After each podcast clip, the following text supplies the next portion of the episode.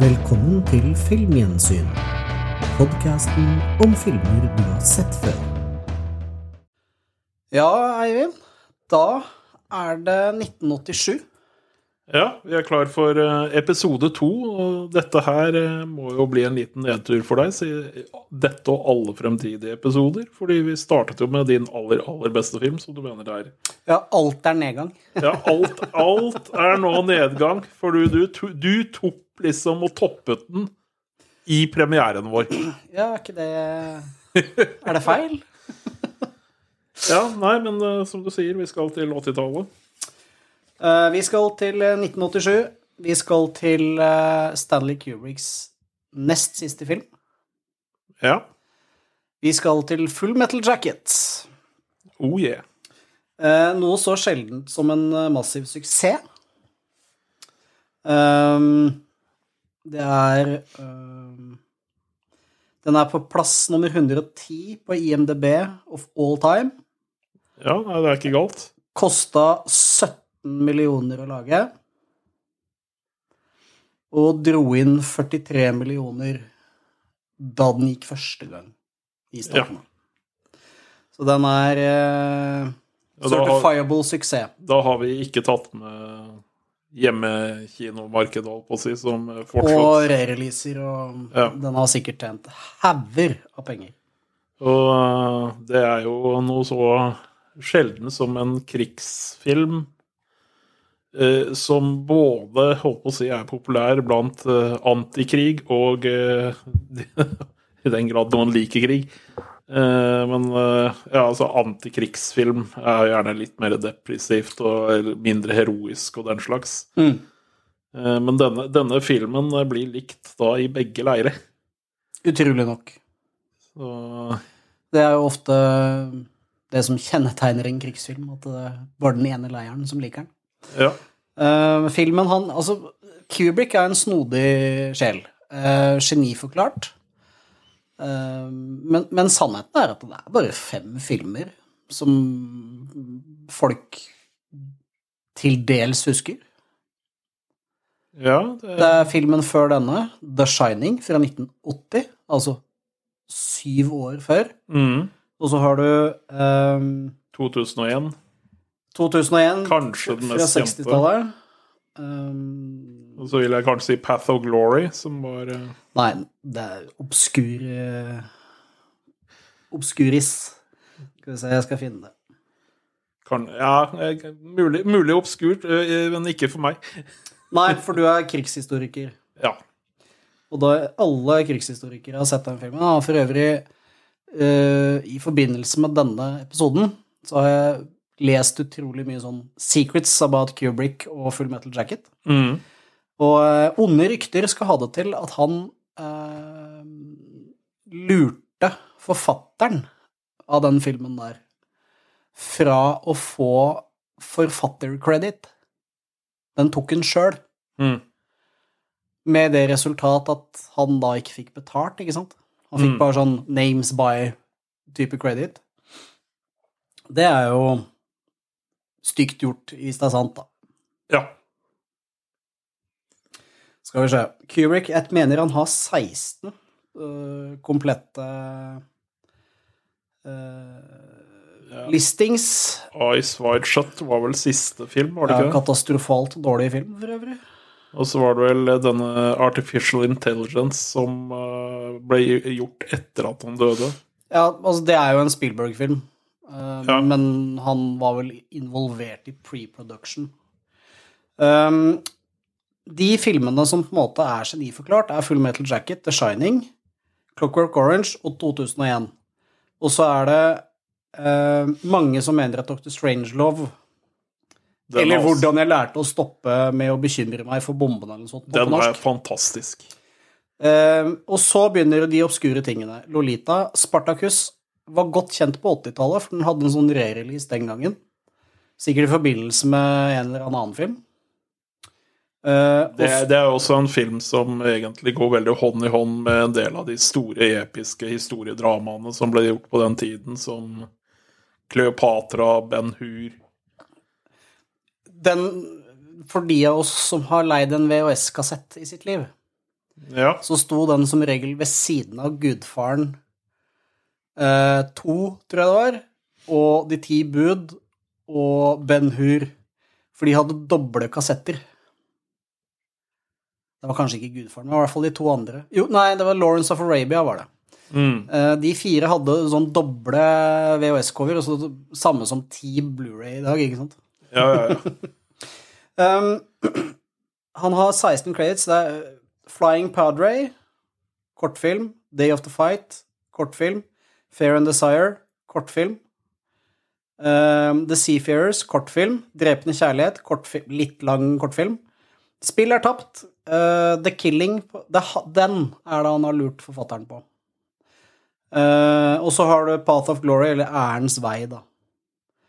Som er vel å betegne som den første filmen hans. ja med Kirk Douglas eh, fra første verdenskrig. Stemmer. Og så uh, er det Spartacus 1960. Og så kommer det Lolita, som til og med er remade på en eller annen med Jeremy Irons, tror jeg. Ja. Eh, og så Strangelove 2001, Clockwork Orange, og så hoppa jeg over Barry Lyndon i sist da, fordi den er det ingen som har sett, nesten. Jeg tror det har noe med coveret å gjøre. Det er veldig sånn rart, sånn stick figure-cover-aktig. Mm. The Shining og Full Metal Jacket, og så Ice Shot. Og hvorfor han har blitt geniforklart, er for meg en gåte. Men jeg har skjønt det i forbindelse med denne episoden. Du har det? Ja. Opplys oss. Eh, Han er teknologisk ekstremt frempå, eller var teknologisk svært, svært frempå. mm. Sånn at uh, Full Metal Jacket, lyssettingen i Full Metal Jacket, er en av de tidlige, tidlige filmene hvor lyssettingen er helt naturlig.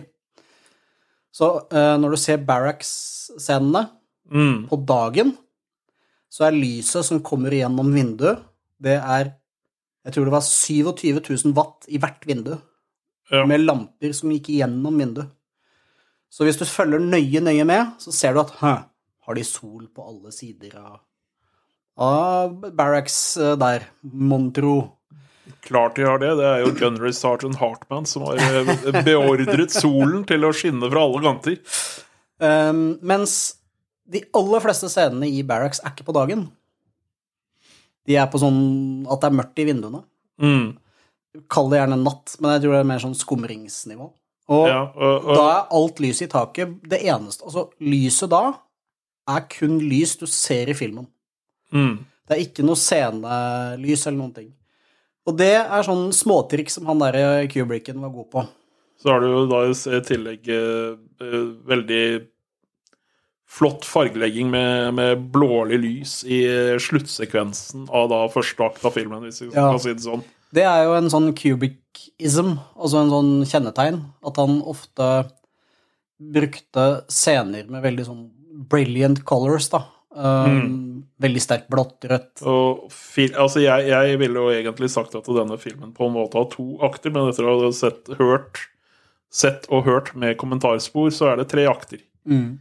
Eh, og første akten, og vel det som etter min mening er sterkeste biten av filmen, er jo rekruttskolen. Og jeg tror de aller fleste som har sett denne filmen, men at det har gått en stund siden jeg har sett den, så er det Gunnery Sergeant Hartman og rekruttskolen de husker.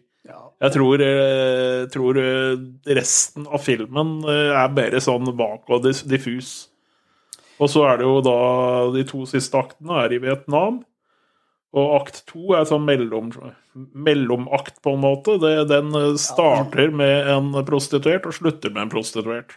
Stemmer. Og eh, kanskje en av de mest You and me, bom, bom, long time. En av de mest kjente, kjente linjene fra filmen kommer jo da fra denne prostituerte som eh, starter første akt. Eh, Me love you long time. Ja, Å ja, det var det hun sa. Det, jeg bomma litt. Det, det gjorde du.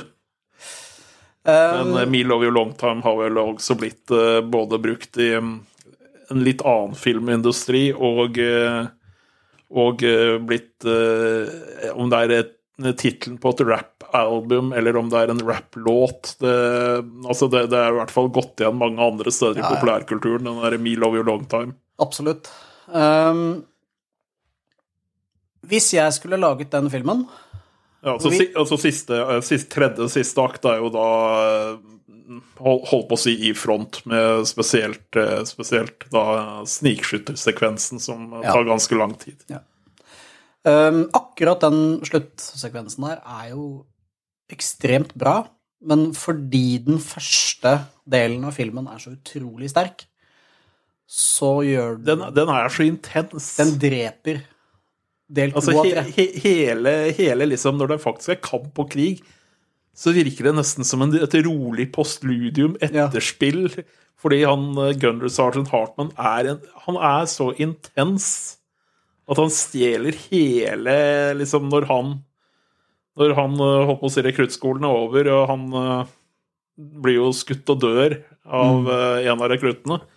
Det er jo det som avslutter rekruttsekvensen. Da liksom da senkes liksom pulsen, og du går på hvilepuls resten, selv om det er, er ganske røffe og, og beinharde kampscener.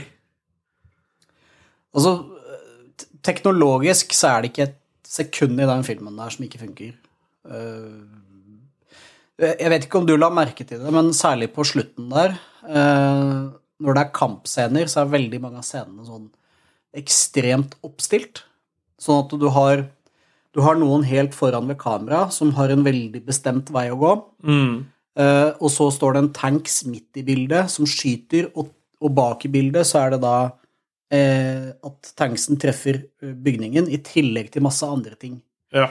Og det er sånn scene som Altså nå så er ikke sånt noe problem, for da bare CGI-er du inn at tanksen fyrer av, og at den treffer, ikke sant, når du Mm. trenger det. Det er veldig, veldig koreografi hele veien. Ja, det er masse scener, særlig på slutten, som er sånn ekstremt koreografert der, som, som må ha vært et mareritt å filme. Fordi Ja, ikke bare, bare der, men du har også, hvis du husker den scenen hvor eh, Joker, som jo er Han er jo egentlig hovedpersonen gjennom hele filmen, men han er jo mer eller mindre bare en bifigur i første akten. han er en bifigur i nesten hele filmen, spør du meg. Men eh, Joker og, og hva er det han andre eh, kollegaen hans heter? Cowboy, Eh, Nei, ikke Cowboy. Han er mitraljøsemannen mannen helt på slutten her. Animal Mother Eh, Animal Mother jeg- er- tenker- er- er Baldwin. på, tenker på um, Hardball Raftman. ah, Han huska jeg ikke engang. Det, det er jo fotografen, for eh, Joker er jo da journalist i Stars and Stripes, eh, Mm. denne militære avisen. Og han og fotografen Raftman blir jo sendt til fronten. Delvis så blir vel han sendt fordi han var litt spydig mot uh, sjefen sin, så han blir uh, sendt Mm. til fronten for å lage reportasje derfra. Raftman vil jo da bli med for å Han er, han er den litt eh, idealistiske personen. Ja. Eh, men, men det jeg ville frem til det, du, du var ute med dette her med kampscenene som er veldig koreografert, og da i en tid uten Syria og sånt noe. Men også da når de marsjerer opp veien mot fronten. Er en ganske lang sekvens hvor de marsjerer oppover. Og det er kjøretøy på kjøretøy og panservogn på panservogn som kjører forbi dem. Og hele dette her er jo også koreografert. Og ja. da skal Kubrik ha stått nærmest med megafonen og beordret når de forskjellige typer kjøretøyene skulle komme. Og det er også helikopter som svirrer over. og det er det det er det samme helikopteret visstnok som du hele tiden ser fra forskjellige vinkler, men det snurrer, kjører rundt og snurrer bak kamera, og så kommer det over igjen fra en annen, annen vinkel. Da. Fun fact. Eh, det er en scene inni et helikopter hvor du har en liten sekvens med en som skyter på mitraljøsen. Og det er han som egentlig fikk rollen som uh, Gunner Det. Sergeant Hartman. Det stemmer. Men R. Lee Ermey, eh, som var leid inn som sånn konsulent for det militære For han er gammel gunnery sergeant, han. Han har vært i The US Marines. Yes. Og han har vært, gunnery, uh, vært drill sergeant. Ja.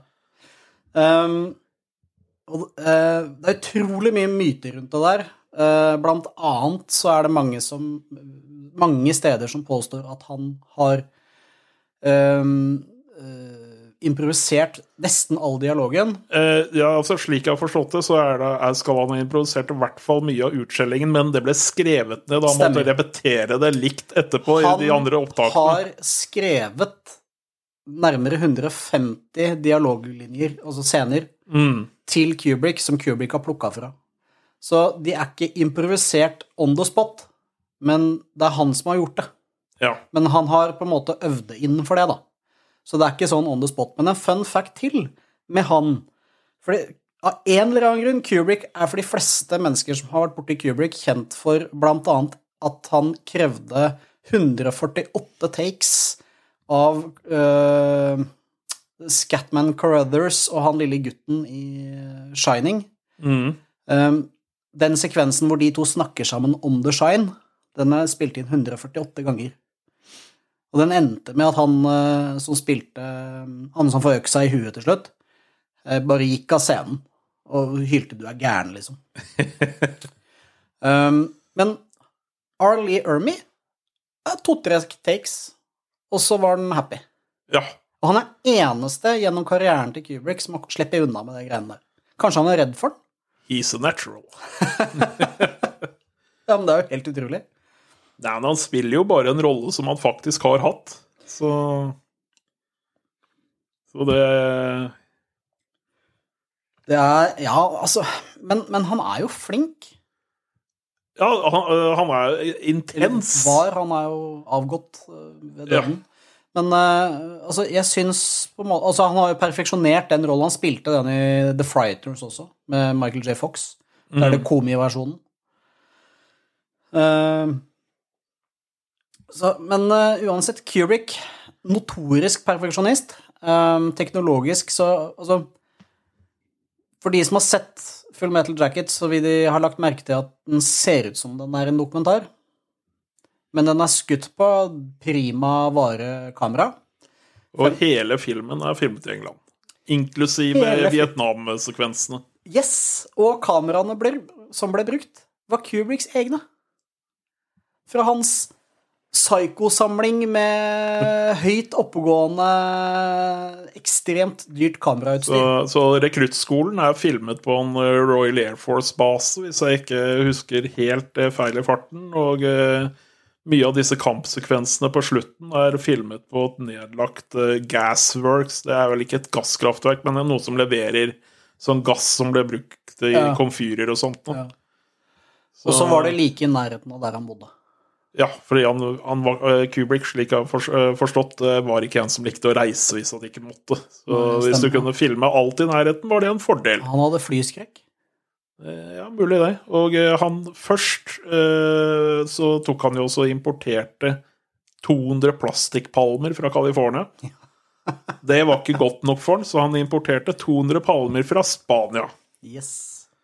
Så det, det, når du er da det, det som er at kampscenen og alt fra egentlig fra Vietnam Det er ikke erketypisk Vietnam- Vietnam-krigsfilm, for det er ingenting av dette som foregår ute i jungel.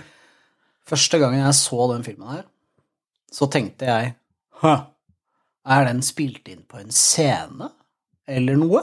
For den er i hvert fall ikke spilt inn i noen Filippinene eller et eller annet. Nei, det er, det er ingenting sånn av det klassiske øh, våte, øh, holdt på å si fuktig, varm jungel eller noe sånt. noe. Altså det som, det som får det til å bli Vietnam, er jo øh, reklamepostere Mm. på bygningene øh, som da er tidstypiske og riktige for, øh, for Vietnam. Og så er det, det planting av disse her palmetrærne rundt omkring.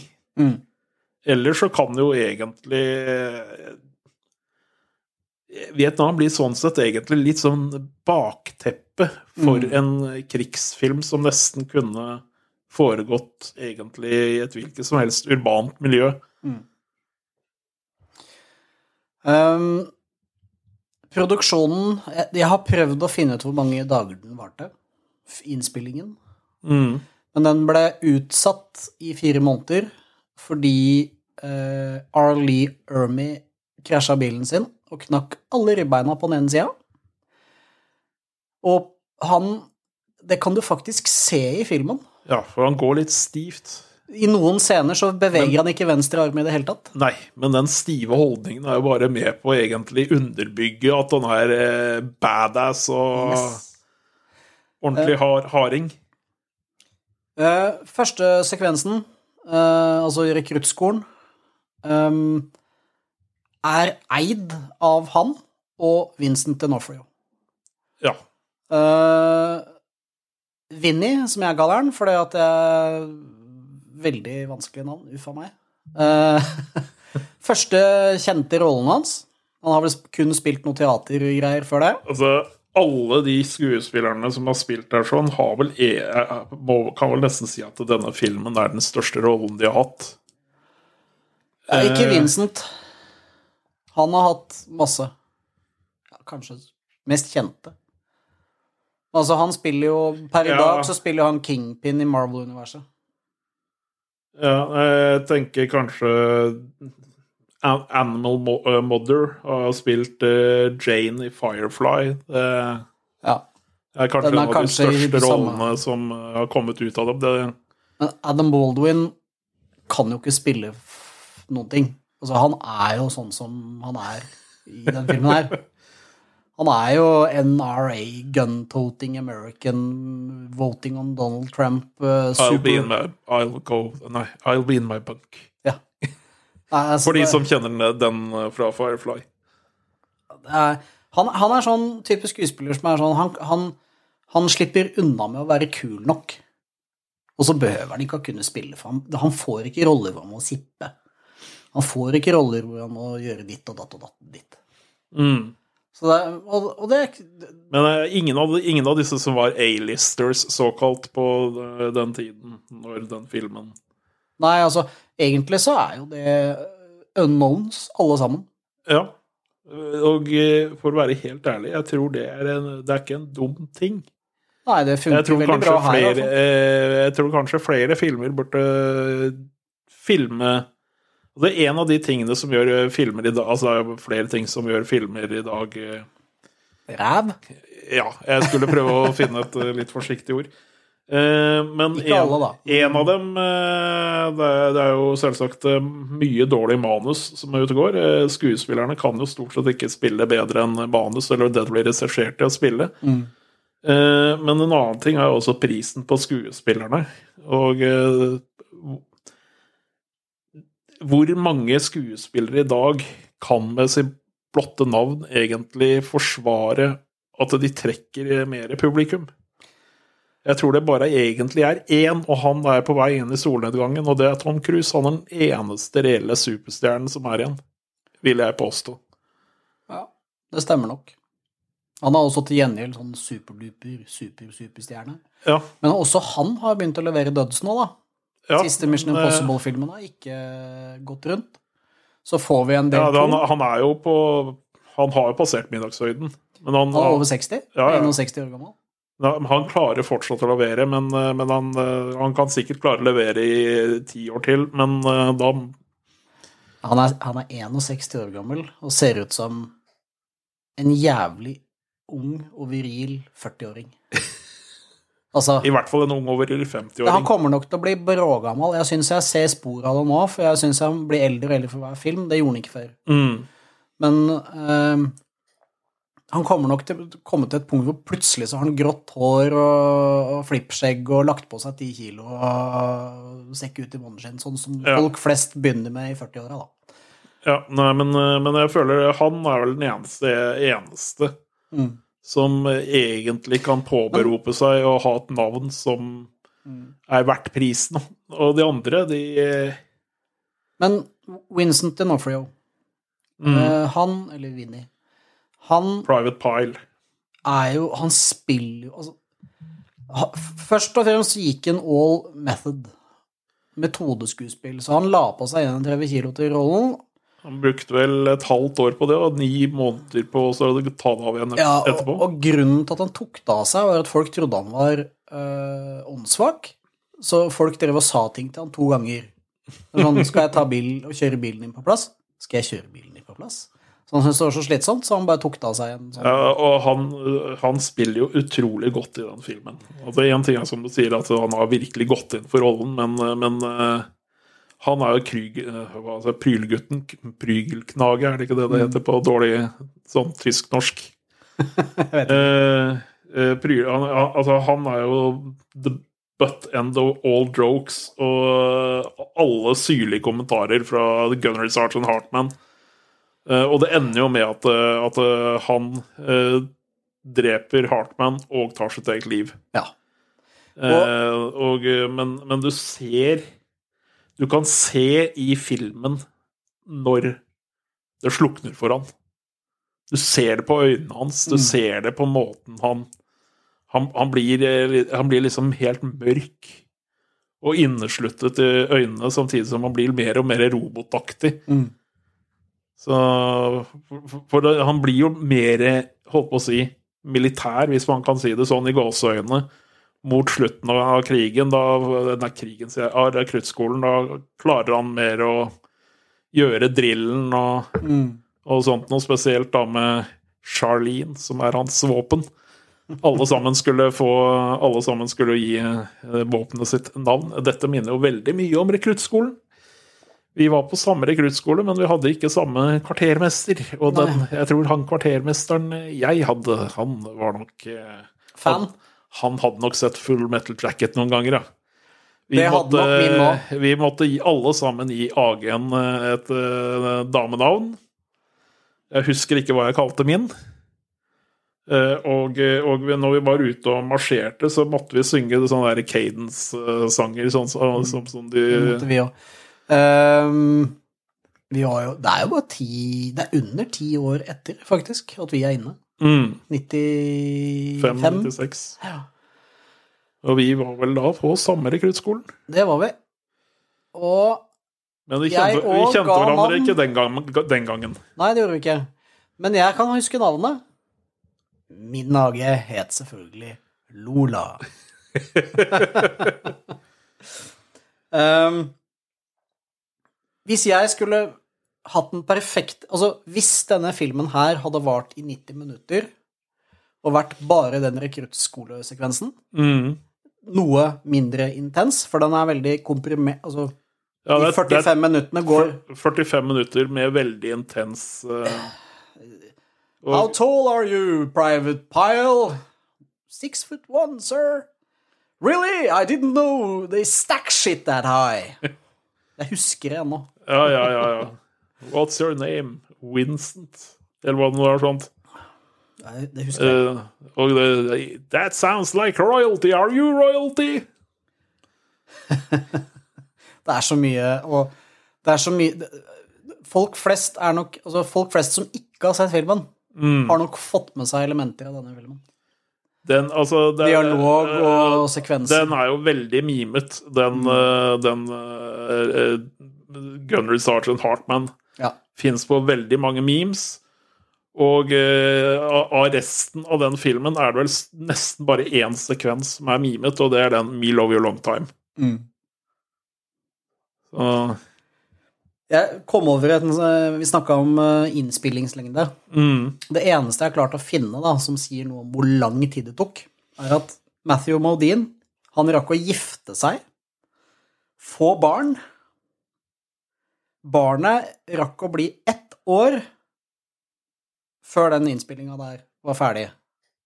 Så det må jo bety over to år med filming.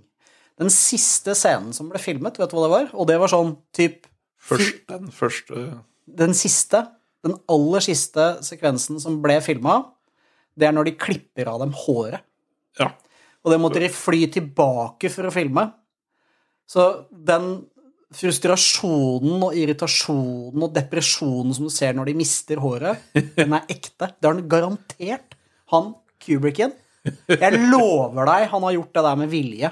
Bare for å få de ekte følelsene der. For Mm. der har han faktisk bare hatt ett take. Ja. For de drar jo av håret på ordentlig. Og rekruttskolesekvensen er jo også i sin helhet filmet eh, til slutt. Ja, det stemmer. Eh, boken har faktisk en oppfølger.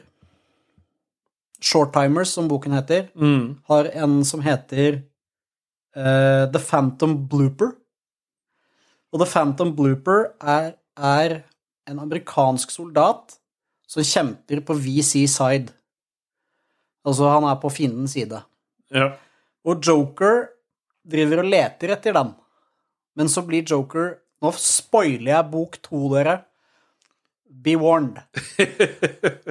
Joker ender opp med å bli tatt til fange av Vietcong Mm. og er i fangenskap i ett år og blir hjernevaska, og så ender han opp som The Phantom Blooper, som kjemper på VC side.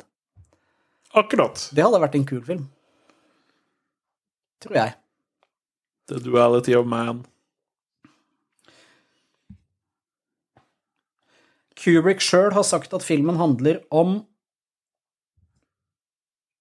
uh, mishandling av unge menn uh, Unnskyld, militærets mishandling av unge menn som river dem ned og lager drapsmaskiner.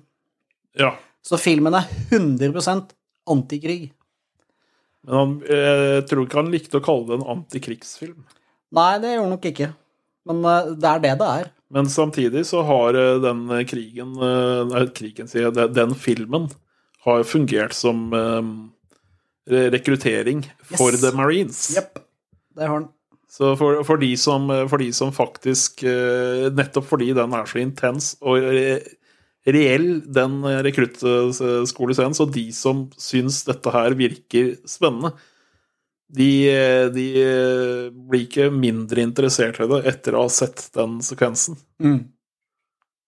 Nei, det stemmer, det.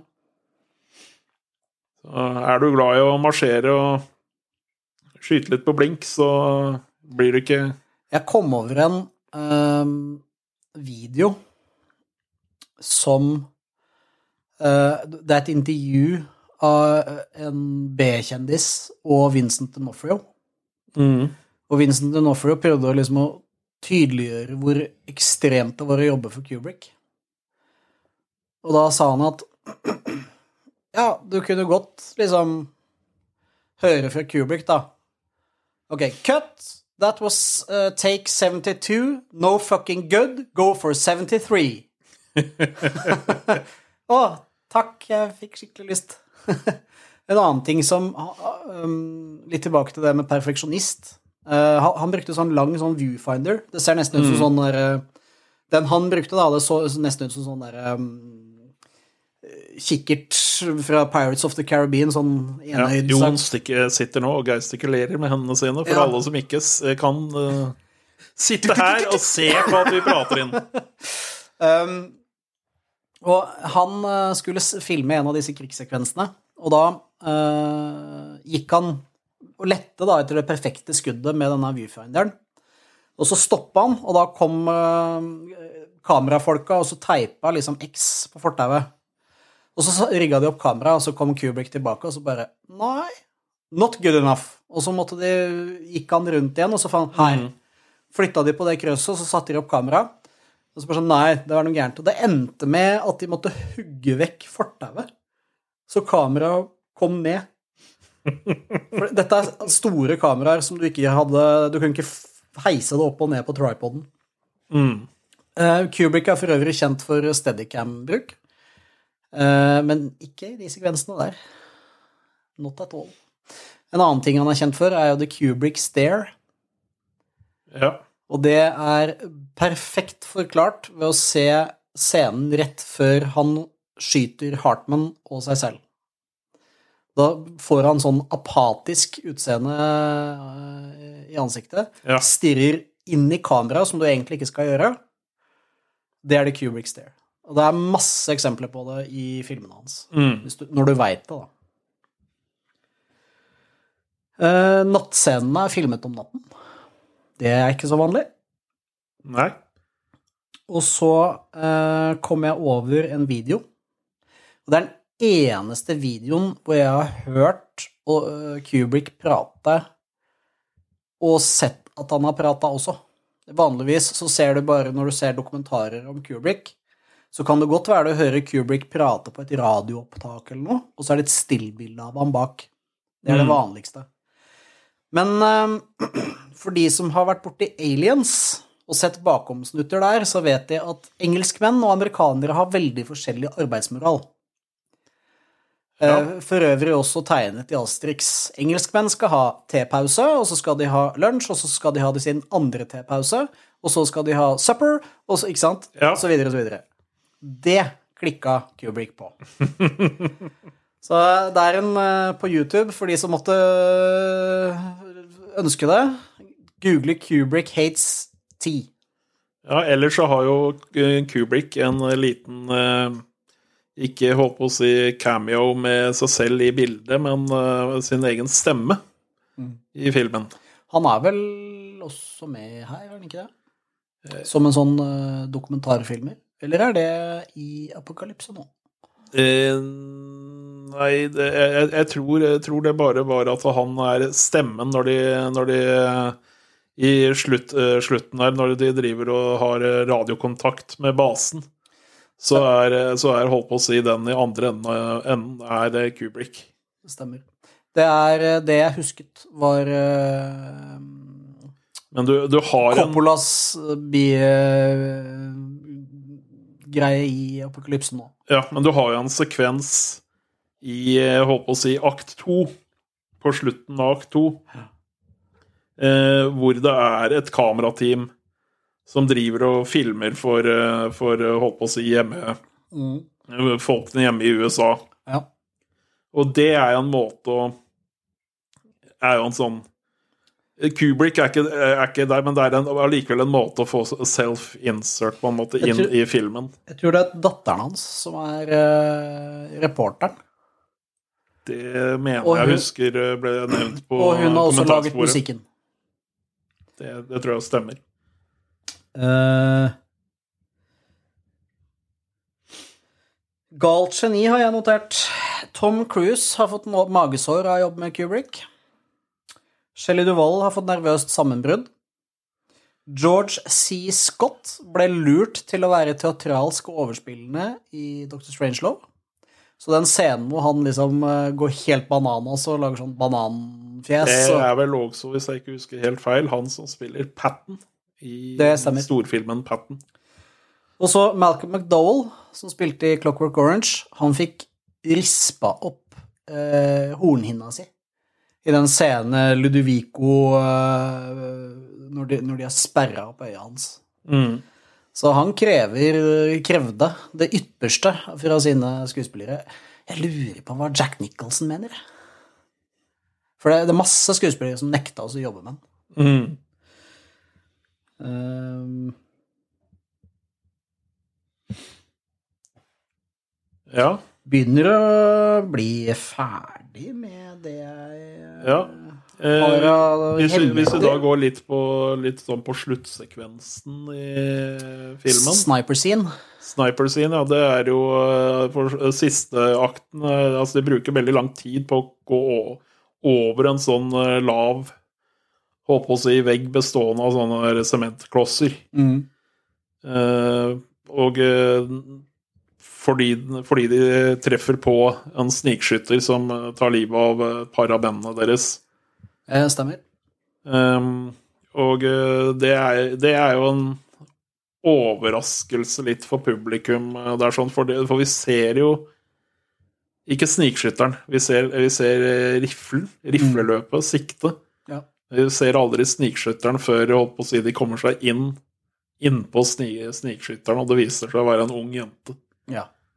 Og det oppdager de vel etter at de har drept henne, er det ikke det? Eh, det er jeg litt usikker på, for Joker kommer jo inn og ender med å eh, kaste geværet fordi det om det, er, Jammer, det jammer, og så må han opp med, med pistolen sin. Eh, og da kommer er det vel, eh, er det vel eh, Animal Mother eller noe annet som Mm. kommer inn og Eller om det var, Eller var det han Raftman som gjorde det? Jeg husker ikke hvem av dem, men de tar og, sky og skyter. Jeg tror da at Joker er klar, eller har forstått at det er en dame. Man merker på en måte at du og jeg spacer litt ut på combat-delen. Eh, Men, eh, men der har du også da helt i sluttsekvensen her har du også det med lyssettingen. Ja. Som var Altså, blått lys. eh, Hele, hele filmen er naturlig lyssatt. Ja, og i slutten her er det jo da ild, levende ild. Ja, stemmer. Um, og de brukte også på en måte En ting som Kubrick er kjent for De som har sett en del Kubrick-bilder, så vil de se at han ofte har et gammelt polaroidkamera på seg. Eh, en sånn type sånn som du trakk ut, så kom det sånn trekkspillskinn. Um, det brukte det- han til å ta bilde for å se hvordan lyset ble når det ble fremkalt. SX70 tror jeg det kameraet het. Det er godt mulig. Det er sånn som du bare du dro ut Ja, jeg har alltid jeg har ønsket meg litt eh, SX70-kamera. Det, Er det sånn kjempedyrt pga. Kubrick Connection? da, Eller? Nei, det er, det, er, det er et kamera som ikke produseres lenger, så du må kjøpe refur, refurnished kamera. Det koster vel eh, fort eh, Tusenvis, noen sikkert. tusenlapper. Ja, ja. Det, er- det er et veldig godt eh, Det er, vel det beste polaroidkameraet polaroid-kameraet som er lagd, fordi Altså- det hadde speilreflekslinse. Ja, det var hele greia. Og i tillegg så og så sammenligner du på en måte det vi tenker på som polaroidkamera, som sa bzzzt, og så hadde du sånn firkanta, dølt bilde med sånn hvit som du kunne skrive på under. Det er ikke sånn type. Det her er sånn når han drar ut, og så har du et bilde i handa. Ja, altså det- Fullstendig bilde. Eh, Det, det er jo samme Samme teknologi. Det er polaroid, dette også. Ja. Det er jeg, har, jeg har et eh, moderne polaroid-kamera. Det så- kommer jeg aldri til å få meg. Noen gang Noen av oss liker at det er litt analogt, vet du. Ja, du er sånn- Fysisk. Hva var det jeg kalte deg? Jeg kalte deg hipster i går. Det satte du ikke så stor pris på. Jeg er ikke hipster. Jeg er, den- du er den eneste jeg kjenner som har hipster tallerkenspole. Du mener platespiller? Ja. Hipster tallerkenspinner, heter det. Nei! Bare tilfeldigvis fordi disse hipsterne har det, gjør det ikke til en hipster tallerkenspiller. Eh, musikk er best på vinyl. Og eh, det er veldig greit med fysiske, analoge bilder. Det er også en god ting. Um, Ja, så til sluttscenen. Um, han eh, Adam Baldwin Ja. han, eh, Da han var og så filmen, så ble han sjokkert. For han har blitt sensurert. Han har det, ja. ja. Det er to scener eh, som eh, jeg har lest om, både på IMDb og diverse dokumentarfilmer jeg har sett og sånn. Når de Den scenen hvor de, du ser noen spille fotball i bakgrunnen, Mm. der er det egentlig en sekvens hvor den panner inn på ballen, og så ser man oi, det er et hode. Og sniper scene Mm. ender visstnok med at Animal Mother skjærer av hodet På, Og på sniperen, ja, på og så løper han ut med den. Ellers er det også det at det på mange måter er eh, Skal vi eh, si eh, Joker sin dåp. Ja, Eller Fordi han ender jo da hun, hun er jo ikke helt død, hun ligger og lider. Mm. Og eh, ber dem ta livet av seg. Og eh, han sier, at, sier vel noe sånt som at vi kan ikke la henne ligge slik. Og eh, da sier de vi kan ikke ta henne med oss tilbake. Det var ikke det jeg sa. Jeg bare sa vi kan ikke la henne ligge slik. Mm. Og da ender det opp med at han skyter henne. ja. Og det er scenen som erstatta det hodegreiene. Og eh, det, det er vel også noe For, for eh, jeg tror opprinnelig de ville at Joker skulle dø på slutten av filmen. Men uh, da Det var det, da var det noen som uh, sa det at han har liksom Han har opplevd da at Pyle og Hartmann har dødd mens han hadde kveldsvakt For da var jo han vaktsoldat. Mm. Det skjedde på hans watch. Og så mister han jo Cowboy fra rekruttskolen, som han treffer igjen eh, da på slutten av filmen. Stemmer. Han blir, eh, han blir drept. Og så, Av nevnte sniper, for øvrig. ja, og så, eh, så blir han jo da nødt til å ta livet av denne på kloss hold. Mm. Uh, og da, da er han så traumatisert at det, om det var forfatteren eller hva det var Jeg husker ikke, det, det ble nevnt på kommentarsporet. Mente at han nå var så traumatisert av de opplevelsene at det, det var verre enn å la han dø. Ja. Derfor lot de han leve. Ja. Ja, det gir mening, det. Og, eh, Kubrick er glad i å drepe slash mishandle sine roller. Og eh, da er det jo Den siste scenen i filmen er jo da når de marsjerer tilbake til basen, og det brenner bak dem, og alle sammen synger eh, Da en sånn Mickey Mouse Mickey, Mickey Ja, Mouse Mickey Club Mouse Club. eh, sang. Mm. Det var heller ikke den opprinnelige sangen de egentlig skulle eh, synge. Fordi den, eh, den sangen de egentlig skulle bruke, fikk de ikke rettighetene til. Nei, for den var sikkert for eh, noen som mente at den ikke passet inn sånn uh, Nei, det, det, det var vel det at Ja, det var det helt sikkert. Men det var den Woody Woodpecker. Å, det hadde vært enda kult. Jeg har ikke akkesvett. De skulle synge sangen. Men um, jeg, jeg har faktisk Det der er sånn som jeg har lært på grunn av denne episoden. Mm. Fordi ja, jeg, jeg hører det jo utmerket godt nå, at de, de driver og svarer med sånn Mickey Mouse-stemme og sånn, Mm. men ikke bitt meg merke i det i det hele tatt. Og det tror jeg Altså, jeg detter av på Full Metal Jacket. Jeg, jeg, jeg syns ikke første halvdel av filmen er så jævlig bra Mm. at den trekker siste halvdel ned. Så, så jeg, som helhet produkt, så syns ikke jeg dette er verdens mest fantastiske Vietnamfilm. Jeg syns det før. Ja, det er noen som mener at dette er den beste krigsfilmen som noensinne er lagd.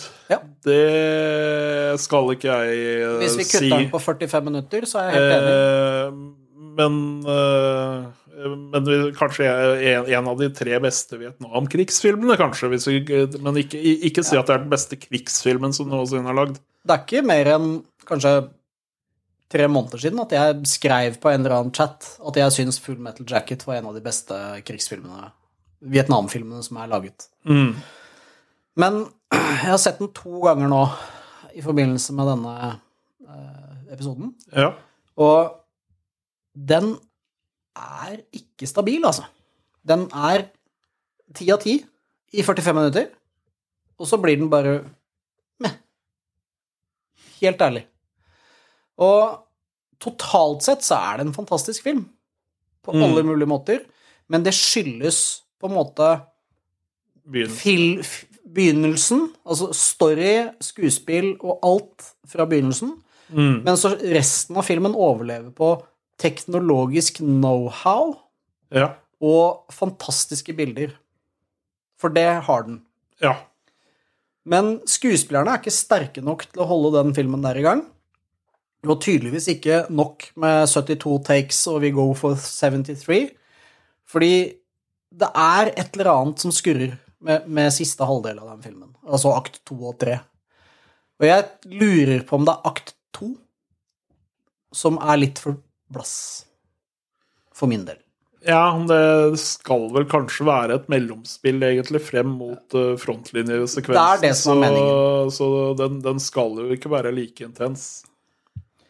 Um, Så jeg, jeg tror det liksom er litt meningen også, for når vi tenker etter altså, hvordan, hvordan det er i militæret. Så, altså, når du er veldig på tå hev på rekruttskolen, Mm. når du kommer ut til tjenestestedet senere, så blir det jo en Ja. helt annen hverdag.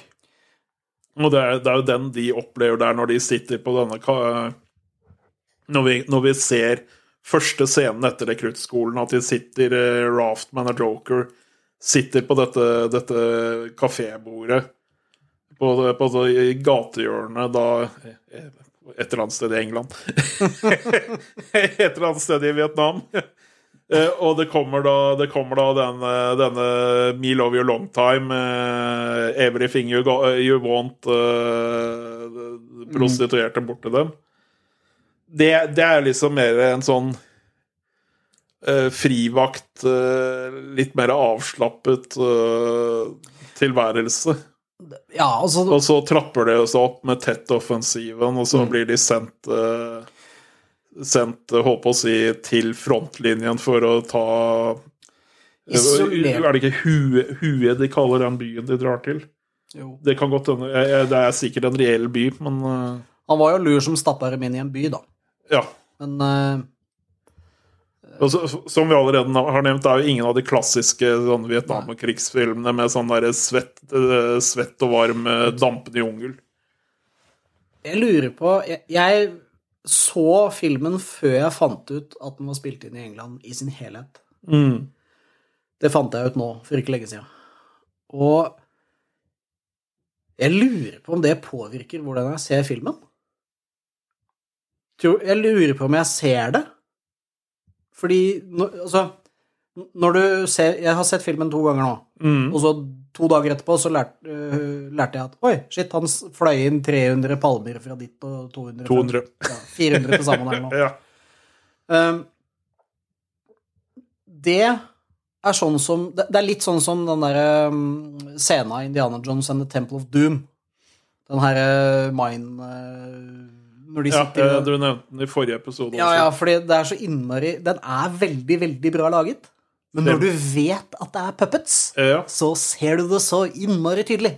Ja, men ellers så er det litt andre ting som også er veldig imponerende. Du nevnte tidligere da dette her med CGI, ikke sant? At, eh, disse kampscenene hvor du har da ene bit i hjørnet av eh, bildet, så ser du en tanks, og så eh, i bakgrunnen ser Ja. du eh, treffet fra denne med eksplosjon og Så går det folk forbi kamera, og så og, går det og det, det har du også sånn eh, For eksempel i disse, denne marsjscenen som jeg nevnte tidligere, hvor du da på denne veien har eh, kjøretøyene som kjører Ja. forbi, har helikopter som flyr over, og i tillegg så har du jo røyk som ryker, ryker langt bak i bakgrunnen. Og det er jo røykbomber de har satt ut tre kilometer fra der hvor de filmer, ikke sant, fordi at det skal komme i bakgrunnen. Fordi det er det, det, igjen, det er ikke noe CGI som har lagd den røyken. Den, den har de måttet plassere ut med sånne røykmaskiner eh, lang, langt baki. Ja, altså- da, da, da, da vet han hvor han vil ha røyk og sånt. Og det er eh, Ja, altså, jeg tenker også på en ting at eh, alle effektene du ser i den filmen her, det, det er er jo praktiske effekter. praktiske effekter som er filmet der og da. Ja. Og det er sånn som Jeg, jeg har faktisk snakket med en som ikke skjønte det. For han bare Ja, men det er bare effekter, de bare legger det på etterpå. Nei, det er ikke alltid sånn det har virket gjennom filmhistorien, skjønner du. Nei. Det var ikke sånn de gjorde det på Battleship på Temkin. Nei. Der tror jeg det røyk 300 statister, eller tre, eller et eller annet. Det var, For øvrig en bra film. Det var, det var mange som røyk under den innspillinga der. Um, Vi får ta den en gang. det får vi gjøre, uh, men da faller den inn under uh, Eller filmer du burde sett. um, ja. Så, Kubrick er, var klin sprø. Ferdig med det. Um, grei filmskaper. Hva ville du gitt den som karakter, da? Karakter eh, Hadde du spurt meg for ett, eh, seks måneder siden, så hadde jeg gitt den en nier. Mm. Uh, men det er noe galt med manus i den filmen der. Som gjør at jeg trekker den til en sjuer. Ja. Som er betydelig under IMDb, tror jeg. Den uh, IMDb er vel Jeg mener jeg så at Det er den ene målestokken vi har, 8,2 eller 8,3 eller noe. Det, og det er veldig bra. Uh, Det er stor forskjell på syv og åtte. ja, som, som, jeg, som jeg sa i, for, i for, vår forrige og første episode, så vil jeg gi karakterer på en Bell-kurve. Mm. Det vil si at en femmer er ikke en dårlig karakter, det er en helt grei. Det, det er en sånn uh, god, yeah. god underholdning som du ikke trenger å tenke på eh, etterpå. Ikke nødvendigvis trenger å se igjen, nødvendigvis, men som var verdt pengene du brukte på den. Og jeg gir poeng som om de hadde stått på IMDb. Så jeg, jeg kan umiddelbart sammenlignes med IMDb. Ja, eh, jeg, jeg eh, tenker jeg vil eh, gi den et sted mellom syv og 8. Ja. Når det, når det er sagt, altså jeg ga jo da Alien åtte til åtte og en halv. mye av det er jo på en måte den er en filmhistorisk viktigere film. Ja, det er noe en, en annen Eh, ting. men eh, når det er sagt, så tror jeg at jeg har mer underholdningsverdi av å si, se Full Metal Jacket. ja, for det er ikke din sjanger. Eh, Altså, nei, altså, science fiction-horror. altså jeg, jeg liker jo science fiction og fantasy. Eh, be, bevares. Eh, det er jo en av favorittsjangerne mine, absolutt. Men eh, kanskje de to sjangerne som jeg har, har gitt meg mest glede av å se på, er krig og western. Um, Åh, jeg kom på en krigsfilm nå som jeg ikke har sett siden det må være 80-tallet. ja. Heartbreak Ridge med Klintern. Den minner jo faktisk litt om Full Metal Jacket. Bare at det er rekruttskole i 80% av filmen, og så en bitte liten krig på slutten. Mm. Det er vel Er ikke det den filmen hvor de invaderer Granada? Jo. Helt riktig. Det, det er nesten sånn Jeg visste ikke at det gikk an, jeg. Har de gjort det òg? det, det er vel omtrent uh, for de som har hørt den der eh, Primavera-sangen. En artig liten krig Ja, som sånn. slutt, begynner på mandag og slutter på fredag, så ikke helgen blir ødelagt. Gikk fort over. Ja. Um, den må Er den ja, er, Klinteren Vi må vel innom Klinteren i løpet av denne podkasten her? Skal ikke denne podkastserien bli lang, da? Jo, jo. Men Det er eh, ikke noe uh, slutt på denne. det er ikke noe Jeg har, jeg har, Jeg tar den med meg i grava! eh, det, det, jeg har allerede bestilt et par filmer som jeg håper på at vi kan se, så det Ja. Um, vi har jo egentlig sett oss ut en skikkelig obskur film til neste episode. ja. Men uh, den uh, skrinlegger jeg litt, så vi får tatt noen litt mer kjente før det. Så vi holder oss på 80-tallet. Vi gjør det. Ja. Gode Vi skal innom noen ordentlige gladvoldsfilmer, Eivind. Noen ordentlige sånn derre Ikke noe bedre enn skikkelig gladvold. Nei, altså, vi- snakker ikke Kobra helt, men den fadderuller'n meg ikke langt unna. Nei. Og Men, filmhistoriske viktige filmer. Men med det så er det kanskje en overraskelse til neste episode. Det blir en overraskelse til neste episode, og med det så sier jeg takk og farvel. Ha det bra. Det var alt vi hadde å by på for denne gang. Takk for at du holdt ut så lenge. Og hvis du ikke holdt ut så lenge, så takker vi likevel. Vi høres i neste episode.